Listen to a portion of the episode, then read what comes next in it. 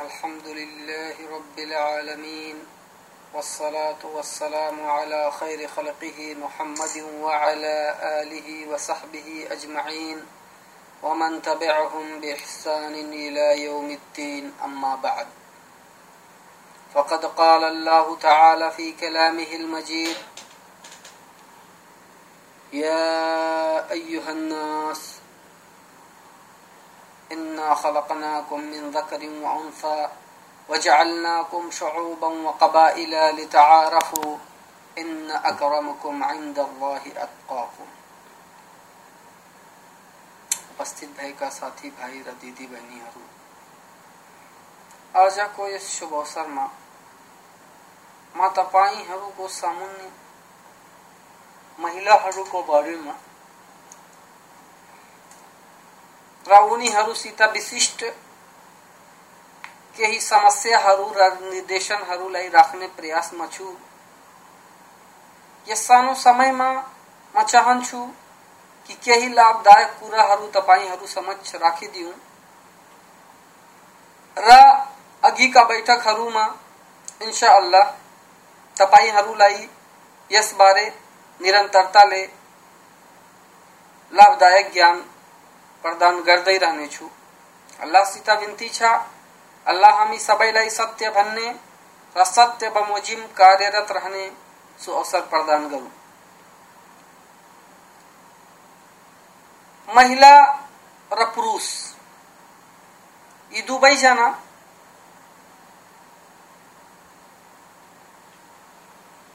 मानव र दानव, अर्थात् मानवमा पनि स्त्रीलिङ्ग र दानवमा पनि स्त्रीलिङ्ग र जनावरहरूमा पनि स्त्रीलिङ्ग सबैमा स्त्रीलिङ्ग छन्। र अल्लाहले जुन सम्बोधन गरेको छ, इन्ना खलकनाकुम मिन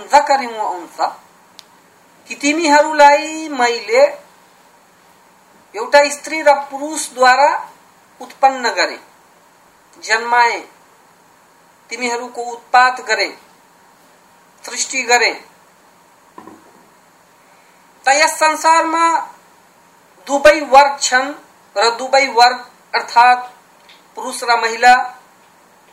गाडीको त्यो पहिया जस्तो छन्, त्यो चक्का जस्तो छन्। जसमा त्यो गाडी निर्भर हुन्छ।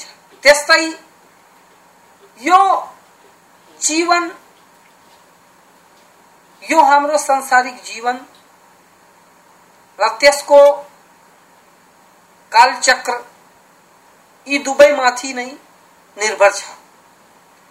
यदि यस संसारबाट महिला पुरुषलाई हटाइदियौँ भने यस संसारमा शेष के बाँकी रहनेछ?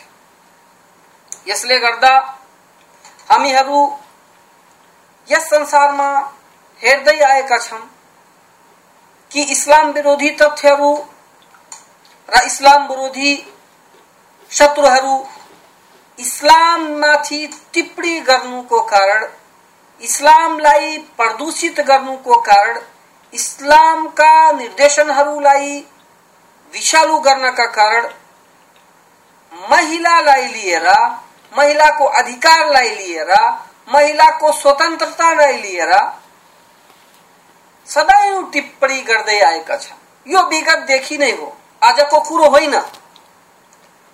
हा, कुरो यो छ कि आज यसलाई तीव्र बनाइएको छ। किनकि इस्लाम विरोधी तथ्यहरू, इस्लाम विरोधी शत्रुहरू आज मिडियामाथि आधिपत्यशाली छन्। समस्त विश्व को समस्त मिडियाहरूमाथि यिनीहरूको नै आधिपत्य छ। र यिनीहरू यस मिडियाद्वारा जुन चाहन्छन् त्यो नै सिद्ध गरिहाल्छन्। जसरी कि हेर्नुहोस् आजसम्म के कसैलाई यो पत्ता लागेछ कसैले यो पत्याउन सकेको छ कि अफगानिस्तानमाथि आक्रमण किन गरियो? यो मीडियाको कारणले हो। यिनीहरूको हातमा भएको कारण मिडियाले जुन भन्छ, त्यसैलाई पूर्ण विश्व सत्य मान्छ। यसले गर्दा हे भाइहरू, यो मिडिया यिनीको हातमा छ र यसद्वारा महिला अधिकार, महिला स्वतन्त्र यसलाई विषय बनाएर यिनीहरू इस्लाममाथि प्रहार गर्छन्। यसले गर्दा आज म तपाईँहरूलाई इस्लाममा महिलाको के स्थान छ? इस्लाममा महिलाको के महत्व छ? इस्लाममा महिलाको के अधिकार छ?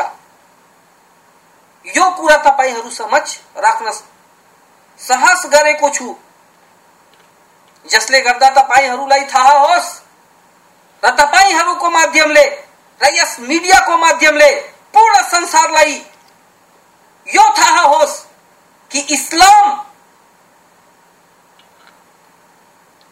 यी महिलाहरूलाई जुन अधिकार प्रदान गरेको छ पूर्ण विश्वको कुनै धर्मले प्रदान गरेको छैन।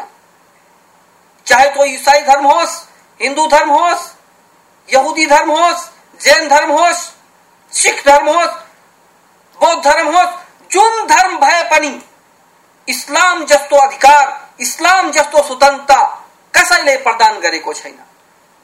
तर इस्लामले यति स्वतन्त्रता पनि प्रदान गरेको छैन कि महिला कुकुरको साथमा सुतोस्। यो अधिकार इस्लाममा छैन। इस्लाम मध्यमार्गीय धर्म हो, र त्यो त्यसै कुरालाई हामीहरूको लागि, हामी मानवको लागि सही ठहर गर्छ। जुन वास्तवमा नैतिकताको आधारमा सही हुन्छ। यदि कोही चाहोस् कि म गन्दा खाउँ त इस्लाम यसको अनुमति दिँदैन। कोही चाहोस् कि व्यभिचार गरोस्, त इस्लाम यसको अनुमति दिँदैन। किनकि यो नैतिकता विरुद्ध छ तर यदि कोई यो चाहोस कि पवित्र जीवन व्यतीत गरोस् इस्लाम त्यसलाई स्वागत गर्छ। त मेरो भन्ने तात्पर्य यो हो कि इस्लामले महिलालाई पनि त्यो अधिकार दिएको छ, जुन उनीहरूको लागि अति उपयुक्त थियो। र कुनै काल अंशको लागि होइन बरु इस्लामले जुन अधिकार र जुन स्वतन्त्रता महिलालाई दिएको छ।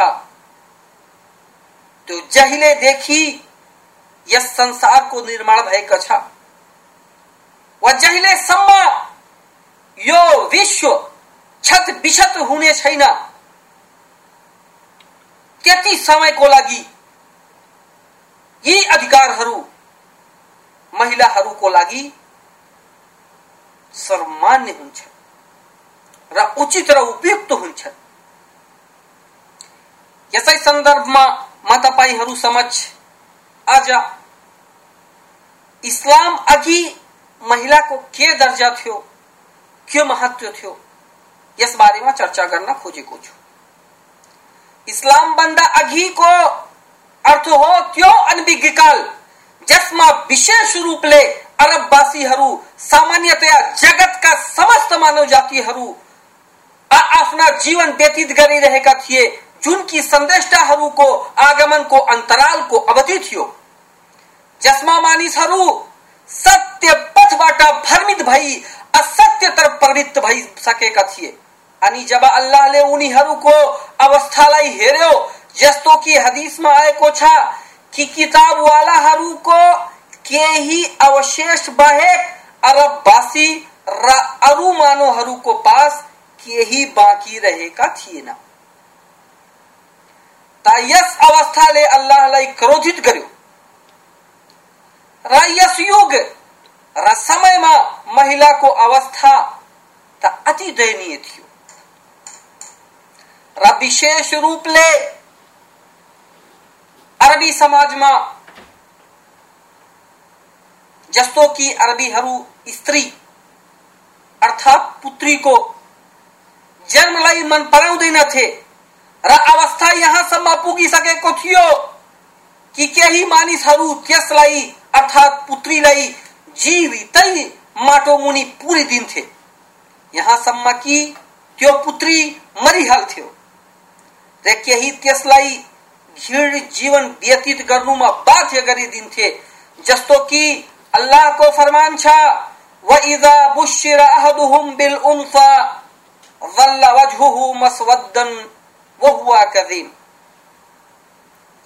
अर्थात जब तिनीहरूमध्ये कसैलाई छोरी जन्मेको समाचार प्राप्त हुन्छ त उसको अनुहार दुखले कालो भइहाल्छ र उसको हृदय दुखी भइहाल्छ सुरतुल नहल, श्लोक नम्बर अठावन।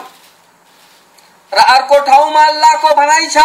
वइदल मउदतु सुइलत बिअय दम्बिन अर्थात र जब जिउँदै गाडिएको केटीसँग सोधिन्छ कि कुन पापको कारण उसलाई मारिएको थियो। सुरत तकवीर, श्लोक नम्बर आठ र नौ। र में श्लोकमा आएको शब्द अल मउदतु अल मउदतुको अर्थ हो त्यो केटी त्यो बालिका जसलाई जीवितै माटोद्वारा पुरिएको होस् यहाँसम्म कि त्यो मरोस् यदि स्त्री दफनाउनुबाट सुरक्षित रहन्थ्यो भने अवहेलित र घृणित जीवन व्यतीत गर्नुमा बाध्य भइहाल्थ्यो यसर्थ न त त्यसलाई पैतृक सम्पत्तिमा वारिस मानिन्थ्यो अर्थात् त्यसबाट त्यसलाई कुनै अंश मिल्दैन थियो। चाहे त्यो अचल सम्पत्ति किन नहोस् र चाहे त्यस महिलाको अवस्था अति दयनीय किन रहेको होस्। दरिद्रता र विपन्नताको कारण किनकि उनीहरू पैतृक धनबाट अंश दिँदैनथे बरु त्यस सम्पत्तिलाई मात्र पुरुषहरूसित विशिष्ट गरेका थिए। बरु अवस्था यहाँसम्म पुगिसकेको थियो कि महिला पैतृक धन झै विरासतमा बाँडिन्थ्यो। कतिपय मानिसहरूको स्वामित्वमा थुप्रै महिलाहरू हुन्थिन् किनकि उनीहरू अनगिन्त महिलाहरूसित विवाह गर्नुलाई अवैधानिक मान्दैनथे यी समस्त क्रियाकलापहरूद्वारा जुन अत्याचार महिलाहरूमाथि गरिन्थ्यो त्यसलाई कुनै अमानवीय कुरा ठानिँदैन थियो। अब बाँकी रह्यो इस्लाममा महिलाको दर्जा। त म चाहन्छु यसलाई विस्तारले तपाईँहरूको समक्ष राख्ने प्रयास गरौँ। यसले गर्दा म अझ चाहन्छु कि आज म आफ्नो कुरालाई यतै टुङ्ग्याउँ, तर अर्को बैठकमा म तपाईँहरू समक्ष इस्लामको दर्जा र स्थान, इस्लाममा महिलाको दर्जा र स्थान विस्तृत तरिकाले तपाईँहरूको समक्ष राख्ने प्रयास गरौँ। त अन्त्यमा म अल्लाहसित यो बिन्ती गर्दछु कि हे अल्लाह, हामी समस्त मुसलमानहरूलाई यो सुअवसर प्रदान गर कि हामी इस्लामका निर्देशनहरूलाई इस्लामले हामीलाई बताएको पद्धतिलाई पूर्णतया बुझ्न सकौं र हामीलाई त्यसलाई बुझ्ने सुअवसर प्रदान गर, शक्ति एवं दक्षता प्रदान गर, ताकि हामीहरू इस्लामलाई सम्झेर त्यसलाई मानौ, त्यसमा विश्वास गरौँ, न कि ती कपटीहरू जस्तै जुन इस्लाममा यस कारण प्रवेश गरे ताकि इस्लामलाई तबाह गरून्, इस्लामलाई विनष्ट गरून्, इस्लामका निर्देशनहरूमा विषालु पदार्थ, विषालु कुराहरू हालुन्। यसर्थ म तपाईँहरूसित पनि यो अनुरोध गर्दछु कि यो मिडिया जुन तपाईँहरू समक्ष राख्दछ, यो मिडिया जुन तपाईँहरूलाई हेराउँछ देखाउँछ तपाईँहरू समक्ष प्रदर्शित गराउँछ वास्तवमा त्यो वास्तविकता हुँदैन वास्तवमा वास्तविकता त्यो हो जुन हाम्रो पवित्र ग्रन्थ कुरानमा जुन हाम्रो पवित्र ग्रन्थ हदिसहरूको ग्रन्थहरूमा बुखारी र मुस्लिम तिर्मिजी नेसई अबु दाउद इब्ने माजामा र अरू हदिसका ग्रन्थहरूमा राखिएका छन् जसलाई हाम्रा विधि शास्त्रीहरूले सही भनेका छन् त्यसमा छन्। न कि यो मिडियामा जुन इस्लाम विरोधी तथ्यहरूलाई प्रदर्शित गर्छ र इस्लाम विरोध इस्लामको विरोधमा विषालु कुरोहरूलाई प्रदर्शित गर्छ त्यसमा त्यसबाट तपाईँहरू सावधान रहनुहोला। किनकि यिनीहरू मात्र एउटा सत्य धर्म इस्लामलाई सहन गर्न सक्दैनन्। मात्र जुन मुस्लिम त आफूहरूलाई मुस्लिम भन्छन् जसरी धेरै विद्यार्थीहरू धेरै पदभ्रमित मुसलमानहरू यिनीहरू तिनीहरूलाई जान्दछन्। उनीहरूलाई केही गर्दैनन्। उनीहरू विरुद्ध केही क्रियाकलाप गर्दैनन्। तर एउटा सत्य आस्था राख्ने मुसलमानलाई यिनीहरू सहन गर्न सक्दैनन्। त्यसको पछाडि त्यसको विरुद्धमा षड्यन्त्र गर्दै रहन्छन् र यिनीहरू चाहन्छन् कहिले यसलाई हामी विनष्ट गर्न सकौं। कहिले हामीहरू यसलाई ध्वस्त गर्न सकौं? त यिनीहरूको फकाइमा कहिले पनि नआउनु होला यिनीहरू त जे चाहन्छन् त्यही तपाईँलाई दर्शाउँछन् तपाईँलाई हेराउँछन् तपाईँलाई देखाउँछन्। यसले गर्दा यदि तपाईँलाई वास्तवमा सत्य इस्लामको निर्देशन चाहिन्छ सत्य इस्लाम तपाईँ हेर्न चाहनुहुन्छ भने पवित्र कुरानको अनुवादलाई हेर्नुहोस्। पवित्र कुरानलाई हेर्नुहोस् साक्षात पवित्र ग्रन्थलाई हेर्नुहोस् तपाईँलाई थाहा भइहाल्छ इस्लाम। के हो? इस्लाम धर्मको सत्यता के हो? यसले यी मिडियाहरू र यी पाखण्डीहरूको फकाइमा नआई यदि तपाईँ इस्लामलाई जान्न चाहनुहुन्छ भने इस्लामका निर्देशनहरूलाई हेर्नुहोस् यिनीहरूले प्रदर्शित गरेका मुसलमानहरूलाई होइन। किनकि उनीहरू यिनीहरूका टट्टु हुन्। यिनीहरूका चेलाहरू हुन् यिनीहरूले बनाएका झुट्टा मुसलमानहरू हुन्। यिनीहरूले बनाएका मिथ्या मुसलमान हुन्। उनीहरू मुसलमान होइनन्। मुसलमान त त्यो हो जुन इस्लामीय निर्देशन बमोजिम कार्यरत रहोस्। जुन यसको विरोधमा हुन्छ जुन यसको विरुद्ध कार्य गर्छ त्यो मुसलमान होइन वमा आताकुम रसुल फखुदुहु, वमा नहाकुम अनहु फन्तहु जुन तिमीहरूलाई रसूल अकरम सल्लल्लाहु अलैहि वसल्लम, यस विश्वका अन्तिम सन्देशता मोहम्मद सल्लल्लाहु अलैहि वसल्लम दिइराखेका छन् त्यसैलाई समत र जसबाट रोकिरहेका छन् त्यसबाट यो इस्लामको त्यो कसौटी हो? जसले हामीहरू मुसलमान र गैर मुस्लिममा फरक गर्न सक्षम भिन्नता गर्न सक्षम यसलाई जुन मुसलमानहरूलाई यिनीहरू तपाईँहरू समक्ष प्रस्तुत गरिराखेका छन् त्यसलाई मुसलमान मानेर इस्लामबाट ईर्ष्या नगर्नुहोला।